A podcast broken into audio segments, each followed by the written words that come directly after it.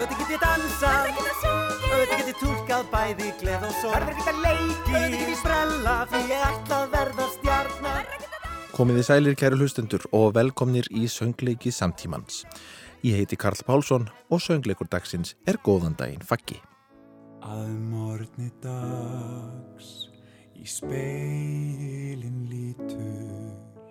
Og e, hluti af ferlinu var að ég fekk í alvörinu taugafall við Já. að lesa þessar myrku hugsanir og, og hræðilega staði sem ég farið á sem ég hef bara búin að gleyma. Það er sett fram eins og afsökunarbeðinni. Röttin í brefinu er að grát byggja lesandan um að hætta ekki að elska sig. Ég átti einmitt svona moment með kynsluða þegar að amma ringdi mig um daginn og spurði mjög einlæglega og fallega hvernig gengi í fagganum. Já. Já, það er komið að þriðja söngleiknum í þessari serju og enn einu sinni beinu við aðtiglinni að mannesku sem til er í alvörunni. En þetta verður allt öðruvísi en í hinnum tveimur. Góðan daginn, faggi, góðan dag Dagurinn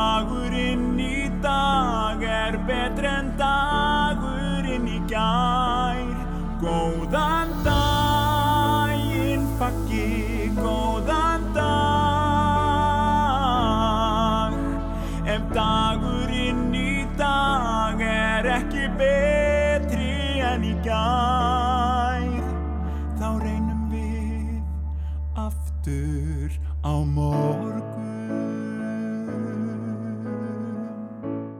Góðan daginn faggi segir sögu leikarans og söngvarans Bjarnar Snæpjussonar. Bjarni hefur verið starfandi leikari í um 15 ár og byrst víða á sviði og filmu. Hann hefur leikið Bjarnar Ben í árumótaskaupinu og verið stór partur af sjálfstæðu leikhópssenunni með fátæka leikúsinu, Smartilab og Stertabendu, auk þess að vera partur af Improv Ísland frá upphafi. Söngleikir hafa þó alltaf tókað sérstaklega í hann, hvort sem er með Viggo og Violettu, Land leggjum undir fáun ást og gleði. Litunum fagnar hver í sínu beði. Látt engan ljúa þér ef fröndir að góða söngofnum ef lífið væri söngleikur,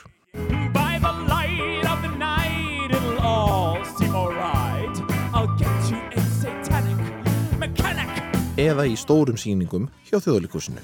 Frá mér þeir stálu kjöti Hver miklu engin veit. Bjarni, svo við byrjum á þér. Ég man fyrst eftir þér í lífið nótkunarreglur Ah, sem myndi kannski flokkast meira sem leikrit með lögum heldur en söngleikur kannski en það var alveg greinlegt að það voru svona söngleika taktar allavega í þínu lægi þar.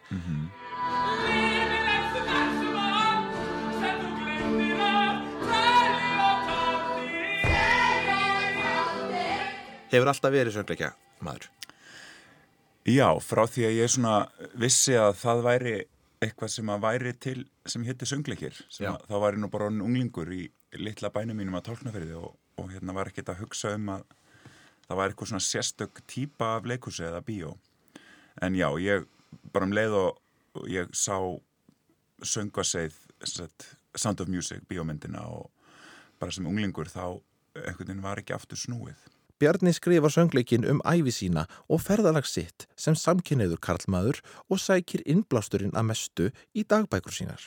ég var bara í alvörunni að taka til og fara í gegnum einhverja kassa og henda eins og maður gerir stundum og fann þarna örmul af dagbókum og fór eitthvað svona glugga í þetta og fannst þessi einstaklingur sem þar var að skrifa eitthvað svo fyndinn og, og fáránlegur og smá sorglegur og, og alls konar tilfinningar sem að koma upp bara við að, að glugga í fortíðina og vita hvað þessi ungi maður var að segja. Að ég bara, heyrðu, ég kannski ætti að gera eitthvað úr þessu á sviði þar sem ég er nú leikari og, og vil gera söngleik Hvena byrjaður að halda dagbók? og ég byrja að halda dagbúk kannski bara unglingur Já. svona 16 ára og, og, og þar áður skrifaði ég átti ég rosalega marga pennavinni skrifaði mikið af brefum út um allt og, og hef fengið þau svona í hendurnar við að líka að fara í gegnum þessa vinnu að hérna tala við gamla vinni og bara geti fengið þessi bref sem ég skrifaði átti þetta nokkuð og sumir búin að henda alls konar og sumir bara letu mig fá efnið sem að ég kynntist ennþá betur unga bjarnar sko Já, bara lífið skrásett. alveg Bjarni skrifar söngleikin þó ekki einn, heldur fekk hann tvo góða vini með sér. Þau Gretu Kristínu Ómastóttur og Axel Inga Árnason.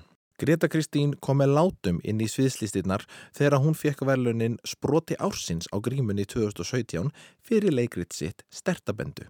Hún hefur síðan unnið gífurlega uppluga vinnu í þjóðleikusinu. Axel Ingi kemur úr tónlistardildinni. Hann hefur verið límtur við píanóið í langan tíma og sami tónlist fyrir leikus og kvikmyndir.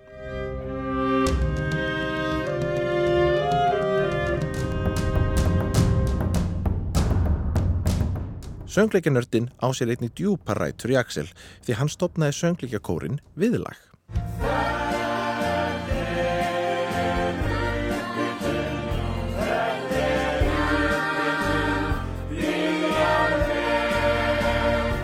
Axel er með Bjarna á sviðinu og flytur tónlistina með honum en í grunninn er síningin einleikur. Þetta eru engin nýgræðingar sem að Bjarni fekk með sér í þetta verkefni en það þarf mikið tröst til að hleypa öðru fólki nánast inn í sáluna sína. Þannig að ég talaði við þetta goða fólk sem er hérna og við Gretu og Axel og, og við já, þau sögðu bara já bara Einmitt. í fyrsta samtali og, og svo bara byrjuðu við að vinna mjög hægt og rólega en, en öruglega Nú er þið Axel og Greta búin að þekkjast lengi. Já, við erum, ég held að Axel sé elsti vinnur minn í Já. lífinu. Já, Uh, já, við erum búin að vera vinnir síðan í mentaskóla og en við höfum samt alltaf tengt svona tónlistarlegu er alltaf verið já, mikið svona keira í eigafyrðinum og blasta Wicked og popular Já. repeat. En Bjarni, hvað hefur þú þekkt þetta fína fólk lengi? Greta, hvernig útskrifaðistu?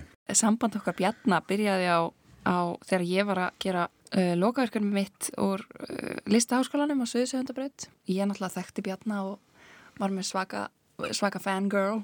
Já.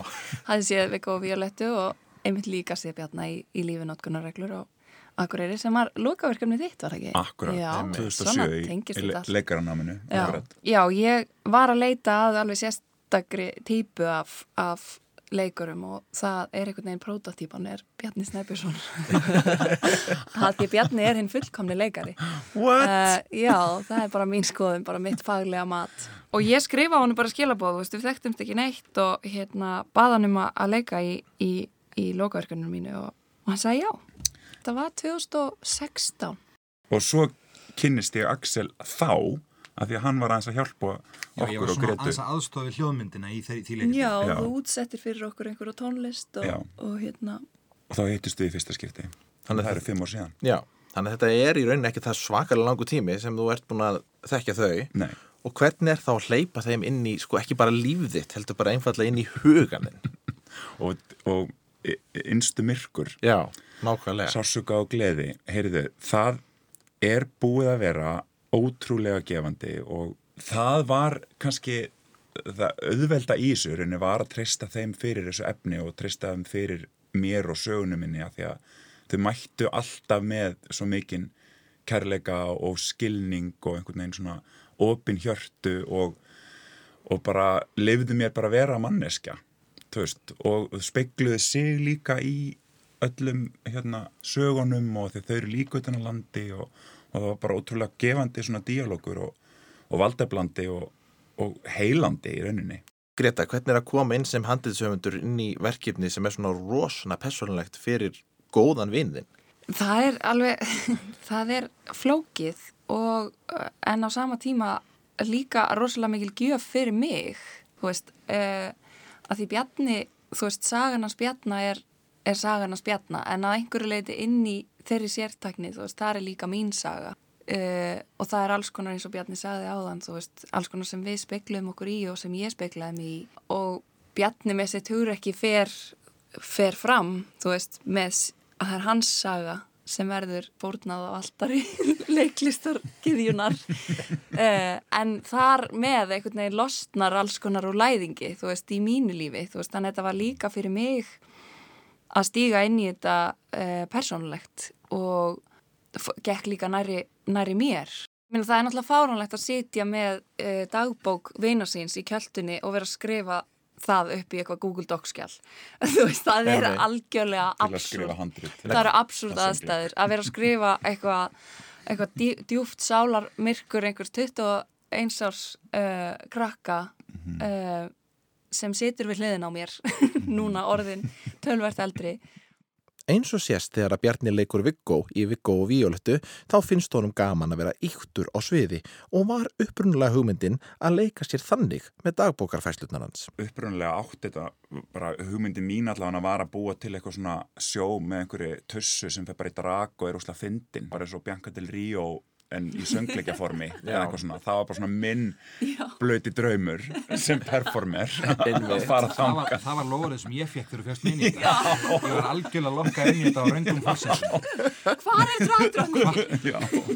En þegar farið var að lesa og kafa dýpra í dagbækurnar opnaðist allt önnur saga og síningin tók miklum breytingum. 10. desember 2000 Mikið væri það nú næs ef mér lið ekki svona illa. Mikið væri það nú næs ef fengi ég að vera.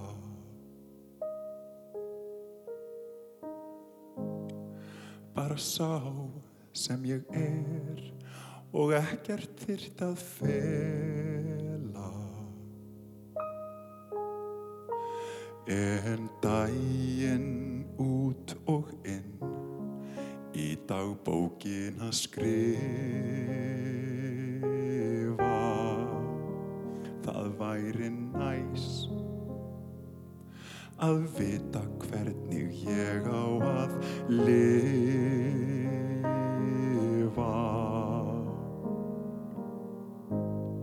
Mikið væri það nú næs ef líf mitt væri einfalt.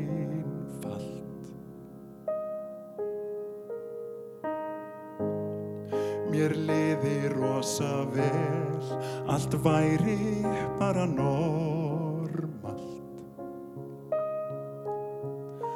Og ég vissi upp á hár hvaða mann ég hef að Það væri næs að finna hvar ég á heima.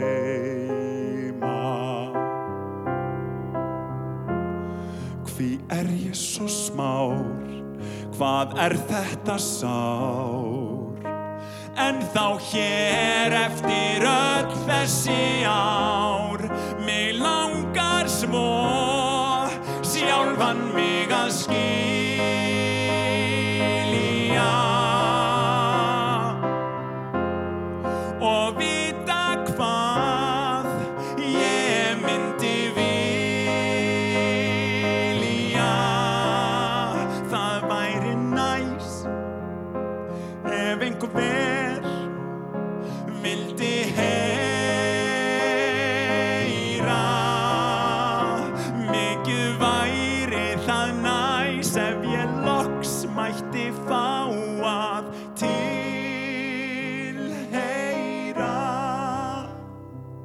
hvernig, hvernig var handriðsferðlið? Bara hvar byrjiði? Óguð Bó, bó, bó. Uh, já, ég meina við byrjum hvað fyrir það er að verða fjögur ár síðan Já.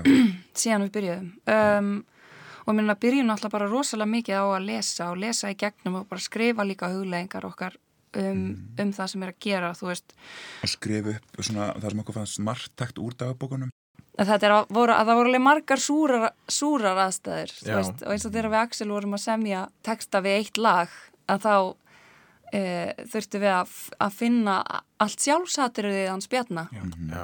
uh, og það að, að, að, að þræða í gegnum dagbækur vinar síns til þess að finna bara þennan viðbjóð. óraumurleika tilfinningu einhvern tímann þegar ég hérna, vaknaði að morgun til og fekk mér kaffibotla og settist í sófan og, og byrjaði að setja mér stellingar til þess að lesa og reyna að lesa út og finna sjálfsattir hans bjarnats að geta búið til lag úr því. Það er rosalega óraumurleg atfinna til þess að hafa. Já, og líka því að ég, ég gat ekki þetta voru rauninni líka fæslur sem að ég hafði bara skrifað sko síðasta vetur og e, e, hluti af ferlinu var að ég fekk í alvörinu tauga áfall við að lesa þessar myrku hugsanir og, og hræðilega staði sem ég farið á sem ég var bara búin að gleyma og þá eðlilega og Greta saði þeim að sér strax þegar við vorum að ræða þetta á þeim tímapunkti bara eitthvað, þetta er sýningin, þetta fer inn í sýningun Já, þetta fór beint inn í sýninguna. Já, og veist, og það er og það gerði það og þá verður þetta líka um mitt meta og við erum að fjalla um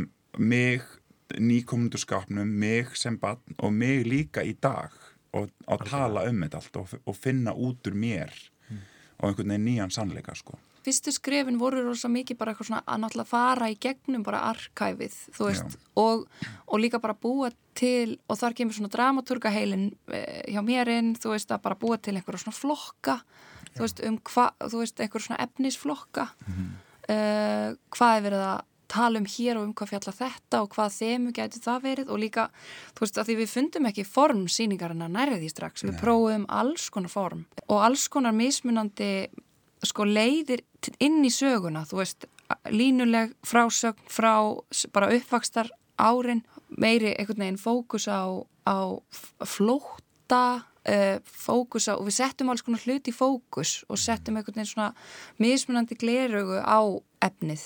En svo það sem gerðist í skrifunum í sumar, Já. eh, þá einhvern veginn var þetta svo yfir, eh, hérna, yfir vofandi, við vorum að fara að frumsýna í ágúst, þá einhvern veginn skerptist fókusin svo mikið, sérstaklega Já. með ég sérst fór að stúdera söngleikja uppbyggingu, bara alveg, frá, alveg niður í niður í mólíkúl alveg Já. og bjóð til svona skema alveg yfir samkvæmt þess að The Hero's Journey sem er sérst, svona uppbygging á, á uh, í raun og veru mm, góðsögum Já, og það er hægt að spegla flesta söngleikja í því formati sko. þannig Já. að við ákvæmum að gera það öfugt í staðin fyrir að taka söngleik sem er til og reyna að finna út hvernig Hero's Journey passa við hann þá ákvæðum við að prófa að setja upp þetta eh, góðsagnakenda format og móta söngleikin pínu í kringum það Já, setja efnið inn í þetta form.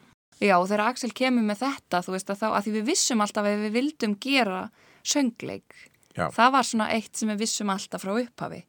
En hvernig form það væri, þú veist, og hva, hver er líka röddin, þú veist, og svo komum við bara niður á þetta hann í sumar, þú veist, að Heroes Journey er í rauninni, er í rauninni ferlið sjálft, sköpun, sköpun sýningarinnar. Það er hérna þessi ferð til helvítis og tilbaka. Að það er sko þannig að þetta er líka svona meta þú mjög meta hérna fjallar um sig sjálft í raun eða fjallar um, söngleikurum fjallar um sig sjálfan líka. Þú veist ferlið við að búa að segja þessa sögu. Einmitt. Tótnin í síningunni er mjög áhugaverður því að Bjarni, Axel og Greta þurft að finna jafnvægið á milli þessa ótrúlega persónulega vinkils og svo alls kjánaskaparins sem er alveg jafn mikil partur af Bjarna. En bara svo við einmitt komum líka inn á það, þetta er líka rosalega skemmtileg síning. Þetta er ekki bara... Já, mér já. langaði nú einmitt að já, skjóta því ég Já. að við förum við förum inn í þetta allt á hlátrinum af því að Guð minn góður þú veist, sárs, þetta allt saman og hildýpin og allt þetta er líka alveg og þetta er drep fyndið og hlægilegt og hérna Lífið er líka svo mikið þannig, það er svo mikið allt í einu. Það getur verið Já. svo ógeðslega fyndið og ógeðslega sorglegt á sama tíma. Það er stutt á milli. Algjörlega, stutt. algjörlega. Og það er og og eitt af svona, bara svona leikaratækni sem að og við Greta rættum þetta svona rétt í lokin og voru svona að finna, það kallast höfuð ásetningur personunar sem að vera að leika með. Hvað vill hún helst? Og það var í rauninni bara að fagna fáranleika lífsins. Þú veist að þetta er allt í belg og byðu við erum alltaf að upplifa alls konar og, og, og það er bara að taka, lefa sér að taka líka utanum þetta erfiða og svo líka bara hlæja þegar þetta er fokking fyndið að þetta er oftast fáránlegt þetta líf. Og við lendum í alls konar og gerum alls konar og, og ég á vittnisspörð um mig frá ógæðslega fyndnu tímabili sem unglingur og bara, já, bref sem ég lesa hann upp líka sem að ég skrifa þegar ég er 13 ára gamall og hérna til pennavinkunum minnar og alls konar dagbókafærslur og þetta er allt bara alveg drepfindið oft. Og hérna og við bara njótum þessum innilega að velta okkur upp úr því líka á sama tíma og við gerum allt hitt sko Einmitt, Þú lest mikið upp úr dagbókunum í, í síningunni og það er alveg greinilegt að þó að emmitt þó að þetta sé persónulegt og að þetta sé alvarlegt og það er rosalega gaman ég, ég notur því gaman, það er gaman að fylgjast með þeim pörtum Já. þá hefði þetta væntanlega aldrei virkað ef að einmitt ungi Bjarni væri ekki svona fyndin því, það, því þú ert alveg það er ógeðslega skemmtilegt svo fáranlegur sko. Það er mjög Hann gaman hvernig þú skrifar. Já. Hæ hó, elsku Lizzie mín Bjarni er ekki hrein mei lengur. Ég svaf hjá fyrsta karlmanninum í mínu lífi á laugadeginum 8. apríl. Þetta var indisleg stund og það var brundur út um allt. Það var frekar vandræðilegt að kveðjast en ég skokkaði aðeins og var í frekar góðu skapi þar sem eftir var dags. Ég held líka að fólk tengi við þetta bara að, þú veist, alveg sama hver þú ert og hvaðan þú ert að koma. Þú veist, að eiga einhvern veginn unga sjálfið sitt og muna eftir, þú veist, hver hefur ekki lendið að vera bara eitthvað ákáttan um að sopna og muna svo bara eitthvað sem þú bara sagðir eða gerðir þegar þú varst 16 ára, bara guð minn góður, þú veist. Og maður hlæra að sér, þú veist, og Bjarni á með, er með skrásetningu á þessu öllu. Þeir sem hafa, eru svo hefnir að hafa haldið dagbók, þú veist, ég fann mína einas síðan ég var 15 ára bara fyrir tveimur árum eða eitthvað og ég bara, þú veist, það eru allar tilfinningarnar, sko. Já, um mitt. Þú veist, hvað maður var heimskur og fáránlegur og bara samt með einhvern veginn allt á reynu, sko, og ég held að fólk tengi svo mikið við það, því þetta er líka bara svo mannlegt, sko. Sýningin er stútfull af personulegum augnablikum en eitt af sterkasta er þegar Bjarni les bref sem hann skrifaði fórundru sínum þegar hann kom út úr skápnum. Sú hugmynd kvekti líka mikla samræður hjá höfundateiminu.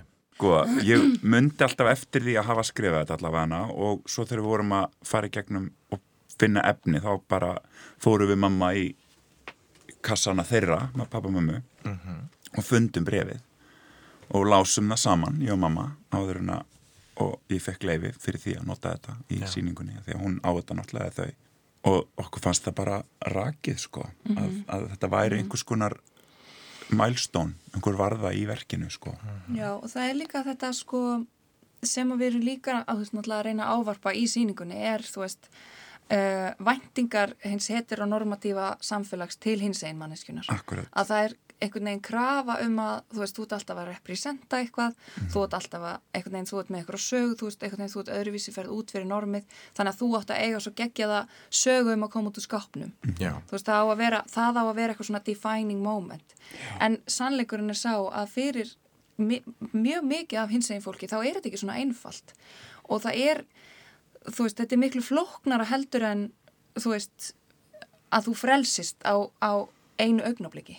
Uh, að það, það eru miklu flóknari hluti sem eiga sér stað og þetta bref er svo góðu vittnisspörður um það uh, hvernig það er orðað, hvernig það er, það, það er sett fram eins og afsökunarbeðinni. Röttin í brefinu er að grát byggja lesandan um að hætta ekki að elska sig. og þetta með að koma út úr skápnum, þetta með brefið, það kom, það kom seint inn í sýninguna, sko, brefið var alltaf inn í sýningunni, eða mjög lengi, já. en bara á seinustu metrunum þá áttu við samtal um, um þessar tilfinningar sem fylgja að koma út úr skápnum og við ákvæmum bæta við lægi þar, þar sem að áhörundu syngja með Já, og Já. reyna að fá bjarna út úr skápnum. Nákvæmlega. Þetta gerist bara alveg á loka metrum á einmitt. Út í að það vantaði eitthvað til þess að koma með þetta point heima. Þetta er ekki, þetta er ekki svartkvít og auðvelt og, og dásamlegt fyrir alla, auðvitað fyrir suma kannski en uh, þannig að það var, ég er mjög ánæður með þá ákvörðin og þann impuls sem, sem að kom frá hópnum að, að bæta við því atriði. Ok, skápa sagan. Ég finn eitthvað á mér, sérstað utan á mér. Nei, hvað varst að segja? Ég er alveg ok. Allt eins og í sögu, mjög góðri sögu. Ég er ekkert að pæla hvort ég sé kannski gay. Ég segi það nú og þar til yfir líkur. Ég meina það í alvöru, ég elska píkur. Komdu út,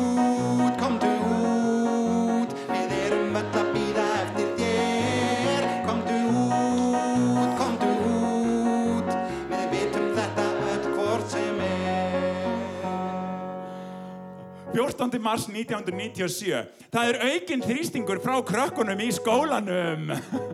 Í alvörunni sá fólk mig og Ágústu ekki kissast í rútin og leiðinni heim af ásáttíðinni. Sáðu mig og Stellu ekki kissast á kofanum. Þessi dragkefni sem ég tók þátt í hjálpaði ekki til að slá á kjaftasögurnar.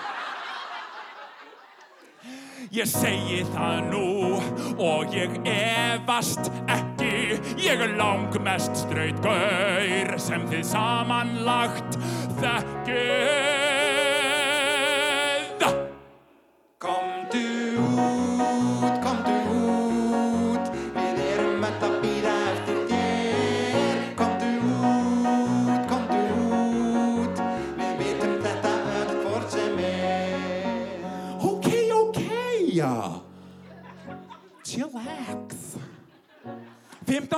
17. oktober 1997. Stóra stökki kom. Ég sagði heiðu. Ég var í öngum mínum og kom sjálfur mér rækilega óvart þegar ég stundi út úr mér. Ég held ég sé hommi.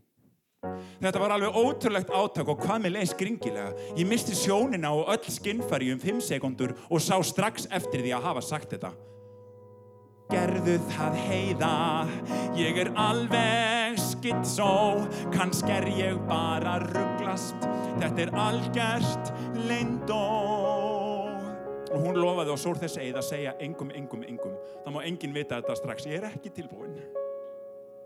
Komdu út, komdu út,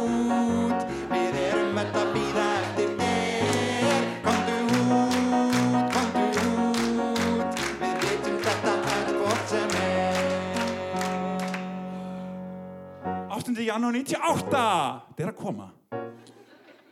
Ég kom út gagvart annari vinkonu minni. Við vorum að djamma og svo enduðu við ein eftir. Hún sagði, allir voru að segja að þú veri gay. Ég varði þig. Ég starði í augu hennar og sagði en sko, ég er það. Fann stípluna losna eða hvernig var það? Já og svo sváum við saman. Ég er mjög ringlaður. Komdu út, komdu út, við erum öll að býða eftir þér. Komdu út, komdu út, við vitum þetta öll hvort sem er. 3. mæ 1999 Komin aftur heim á Tálknafjörð. Gengur vel að sapna mér fyrir ferðinni til Ástralíu. Ég verð að þrauka. Bráðum kemst ég hinum einn á hnöttin og get kannski loksins fundið út úr þessu öllu. Kannski fæ ég loksins að sofa hjá Karlmanni. Ég er alveg að springa. Ég verð að finna styrkin Hvern er ég að gappa Ég verð að finna leið Til að segja mamma og pappa En ég þorði ekki fyrir mitt litla líf að eiga þetta samtal við fóldra mína Þannig að ég greip tækifærið einu sinni þegar ég var á leiðinni í helgaferð til Reykjavíkur og ég skrifaði þeim bref Og það síðasta sem ég gerði áður en ég fór í flúrútuna yfir á Bíldudal var að lauma brefinu undir kottan hjá mömmu.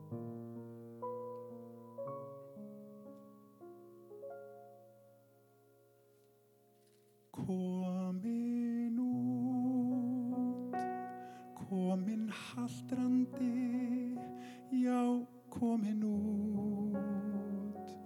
Þetta fór þá svona hjá mér. Komin út, komin út. Voruð þið að býða eftir mér?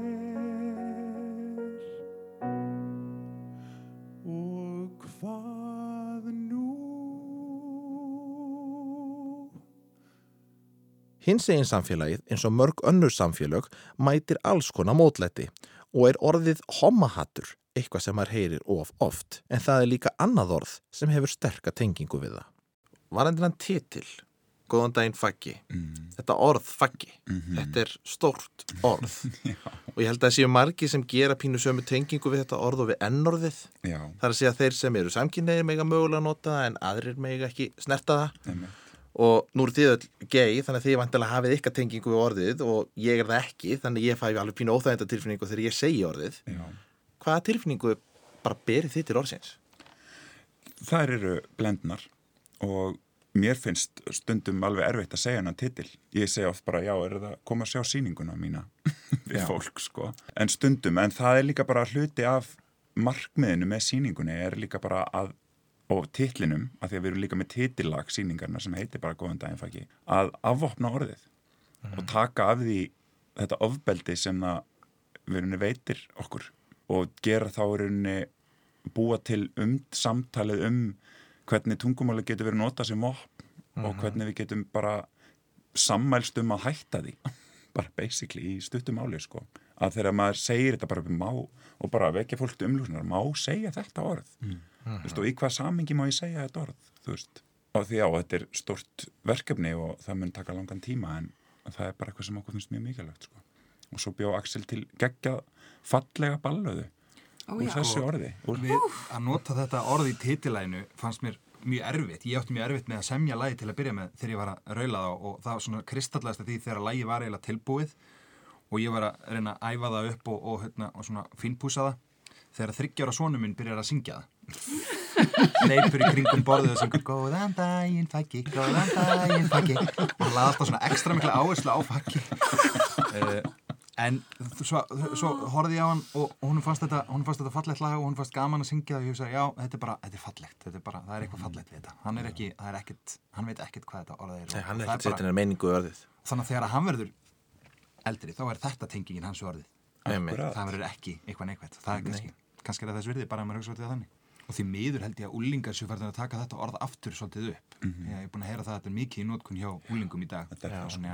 að kannski þetta, mm, kannski lagast það Þetta er einmitt orð sem að einmitt, ef þú ert að segja það á annar borð, þá ertu mjög líklega að segja það í neikvæðan tilgangi. akkurat, akkurat Og ef við bara meiri sér tökum að þetta aðeins lengra, sko, bara orðið sjálft, sko, bara uppbyggingin á orðinu, þetta er svona, þetta er harkalegt orð. Það er rétt. Með 2G, er svona F-ið, já, þetta er bara svona, já, það er rétt þetta er, þannig að það er rosalega áhugavert að setja þetta í titilinn. Þegar við vorum að einhvern veginn pizza þennan titil, skilur, inn í þjóðleikúsi þú veist, það er alveg margar spurningar sem koma, þú veist, og líka bara innan úr teiminu okkar líka, þú veist bara hvað erum við að gera, viljum við gera þetta af hverju uh, en bara sko samtölin sem koma út úr þessu að fólk spyr og spyr sig og það fer inn á miðasölu síðu þjóðleikúsins, það ringir í miðasölu síma þjóðleikúsins og þarf að segja þetta orð, það þarf að tala við vini sína, kollega, fjölskyldu um þessa síningu, segja þetta orð og þetta getur opnað á okkur samtölu, einhverja spurningar og jafnvel eitthvað svona myndli kynnslóða þú veist, ég held að við ættum ekki vera hrætt við það heldur að taka samtalinu fagnandi. Ég átti einmitt svona moment með kynnslóða þegar að amma ringdi mig um daginn og spurði mjög einlæglega og fallega hvernig gengi í fagganum Já.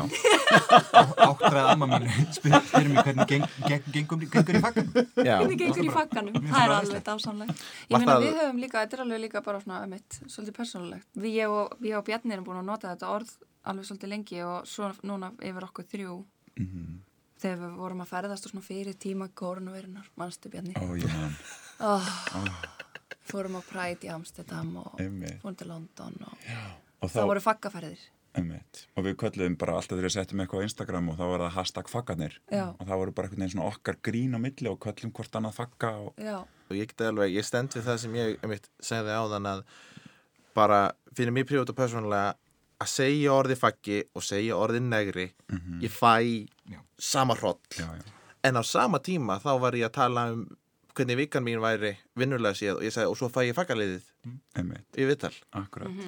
Þá fikk ég ekki hroll einmitt, af því að einmitt Margar sögur njóta góðs af því að hafa eitthvert flott illmenni og í söngleikjum fær vondikallin oft magnað lag. Hér í þessari síningu væri kannski augljóst að illmennin væri fólkið sem notar orðið faggi í neikvæðum tilgangi en það lá ekki svo beint fyrir. líka bara við, við vorum mjög lengi að klóra okkur í haustum yfir hver er vondi kallin í síningunni Já. hvað- einmitt já það í er hluti af. En Já. Það, það er talað um, þú veist, það er einhvers konar svona hindrun sem er, og, og það er yfirleitt einhvers konar eh, ásetningur frá einhverjum sem er, á mót, sem er andstæður eh, söguhitsjunni, eitthvað illmenni Já. en það er náttúrulega erfitt að, að vera með illmenni þegar maður er að segja svona sögu Já, og það er bara einn á sviðinu. en þannig að, en það var ég held að hafa verið bara fallegasta lausnin og, og kom mjög vel út að, að auðvitað er það skugga hliðin af Bjarnar sem er vondikallin, það þessi, þessi rödd sem segir, sem segir honum að hann sé ekki nógu góður.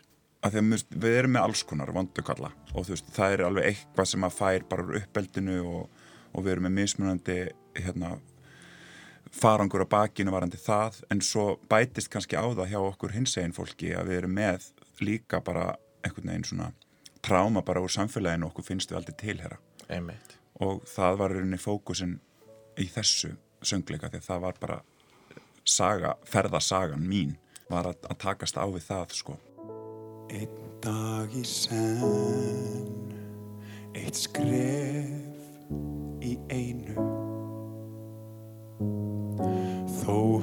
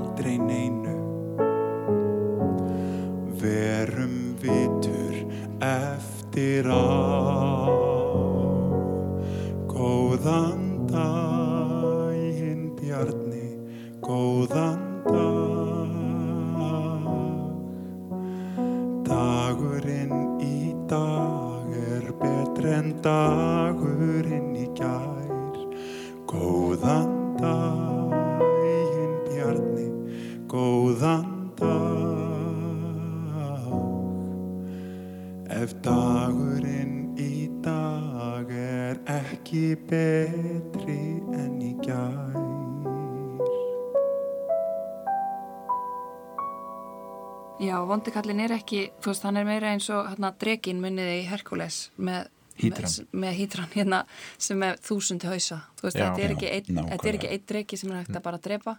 Hann er út um all og í þessari sögu, þú veist, þá er það alveg rosalega skýrt þú veist, það er ekki bara einhver einn kennari eða einhver einn samneimandi eða uh, jafnaldri eða eitthvað eitt sem gerðist eða eitthvað, eitthvað atvik eða eitthvað svart hvít einfalt, þú veist um, auðmeltanlegt sem kom fyrir heldur er þetta samfélagslegt, menningarlegt uh, sálfræðilegt uh, og, og innræting sem á sér staði við langan, langan, langan tíma sem framleiðir vondakall sem einhvern veginn býr allstaðar og hvergi á sama tíma. Akkurat. og er á sama tíma þess vegna engum að kenna og öllum að kenna. Já, rétt að þú ert ógeð. Það leikur enginn vafi á um það.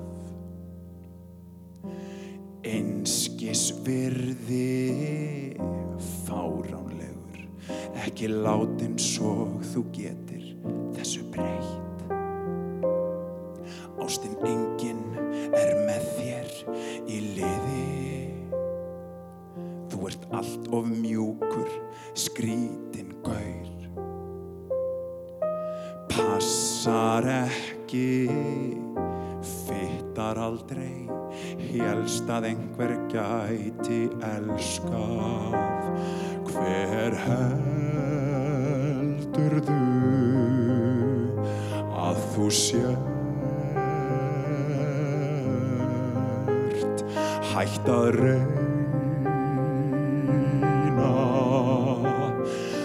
hætt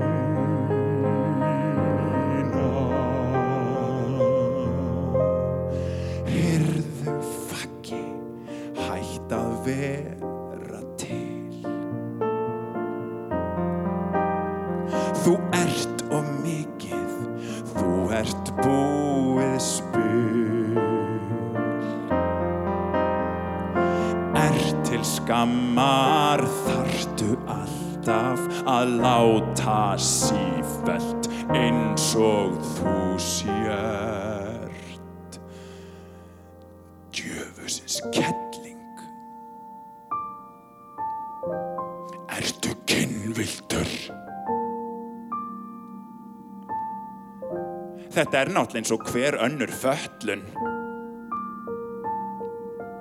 Þetta er ónáttúra. Æ, auðmingja fjölskyldan þín. Sóun og góðum genum. Stelpu strákur. Þarft að láta bera svona mikið á þér. Þú heldur að þú sért. Svo... Hvernig, hvernig unnuðu tónlistina?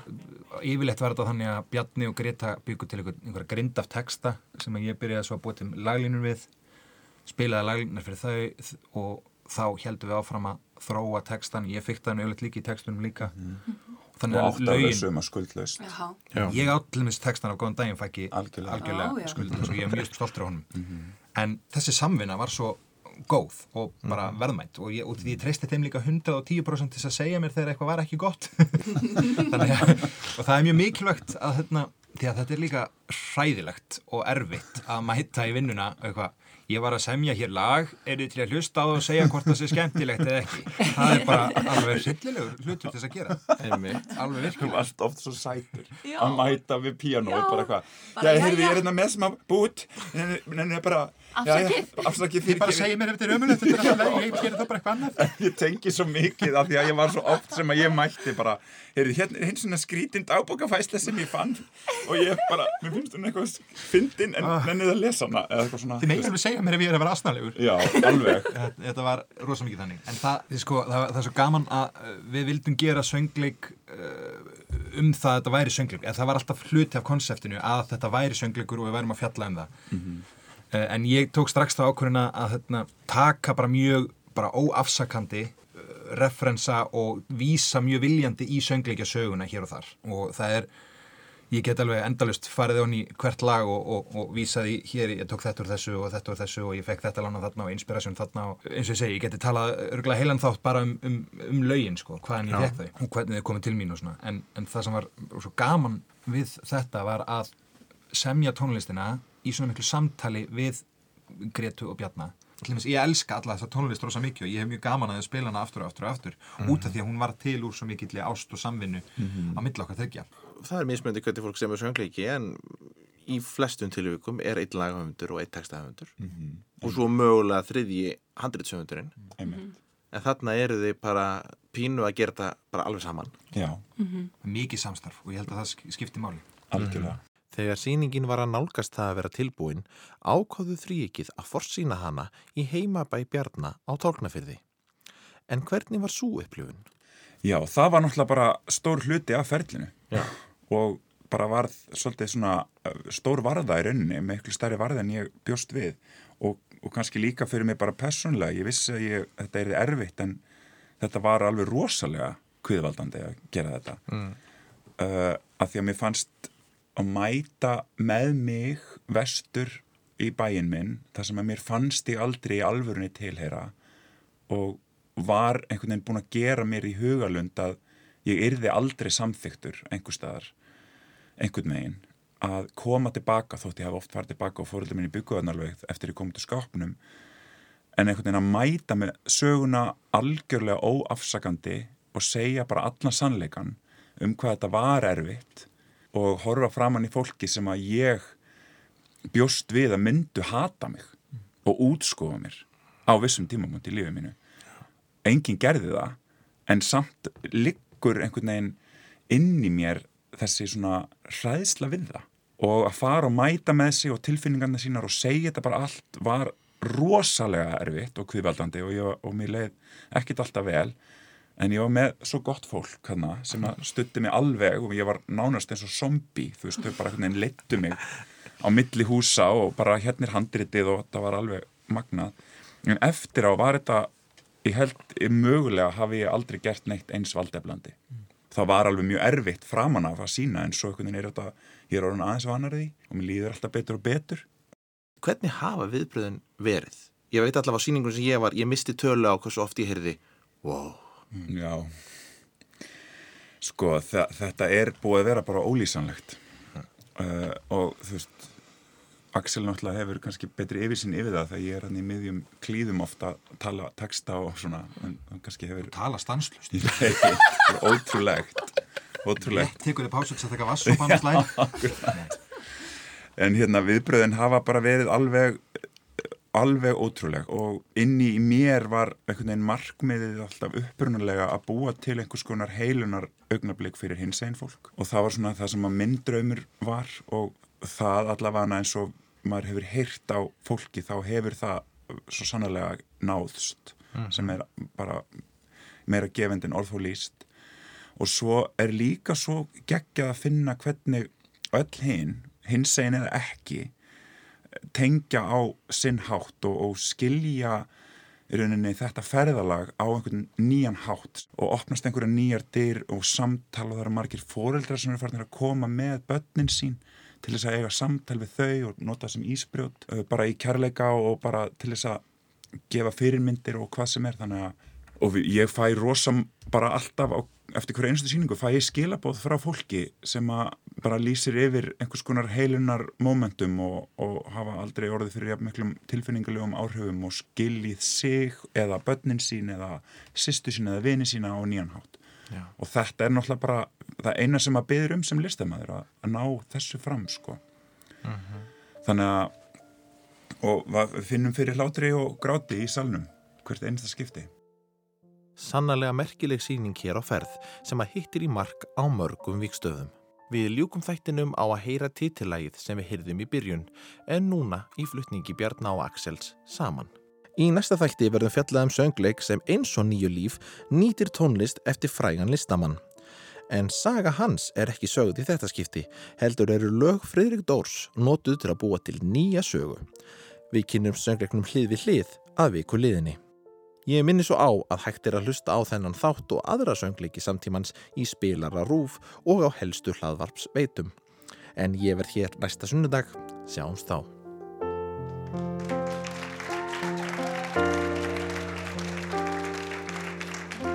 að morgni dags í speilin lítur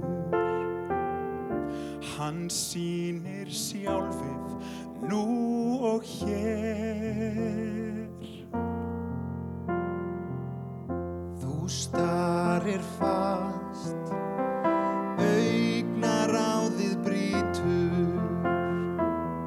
Reyndu að sjá það sem vinur þinn sér. Hætt að vera svona vondur við þig.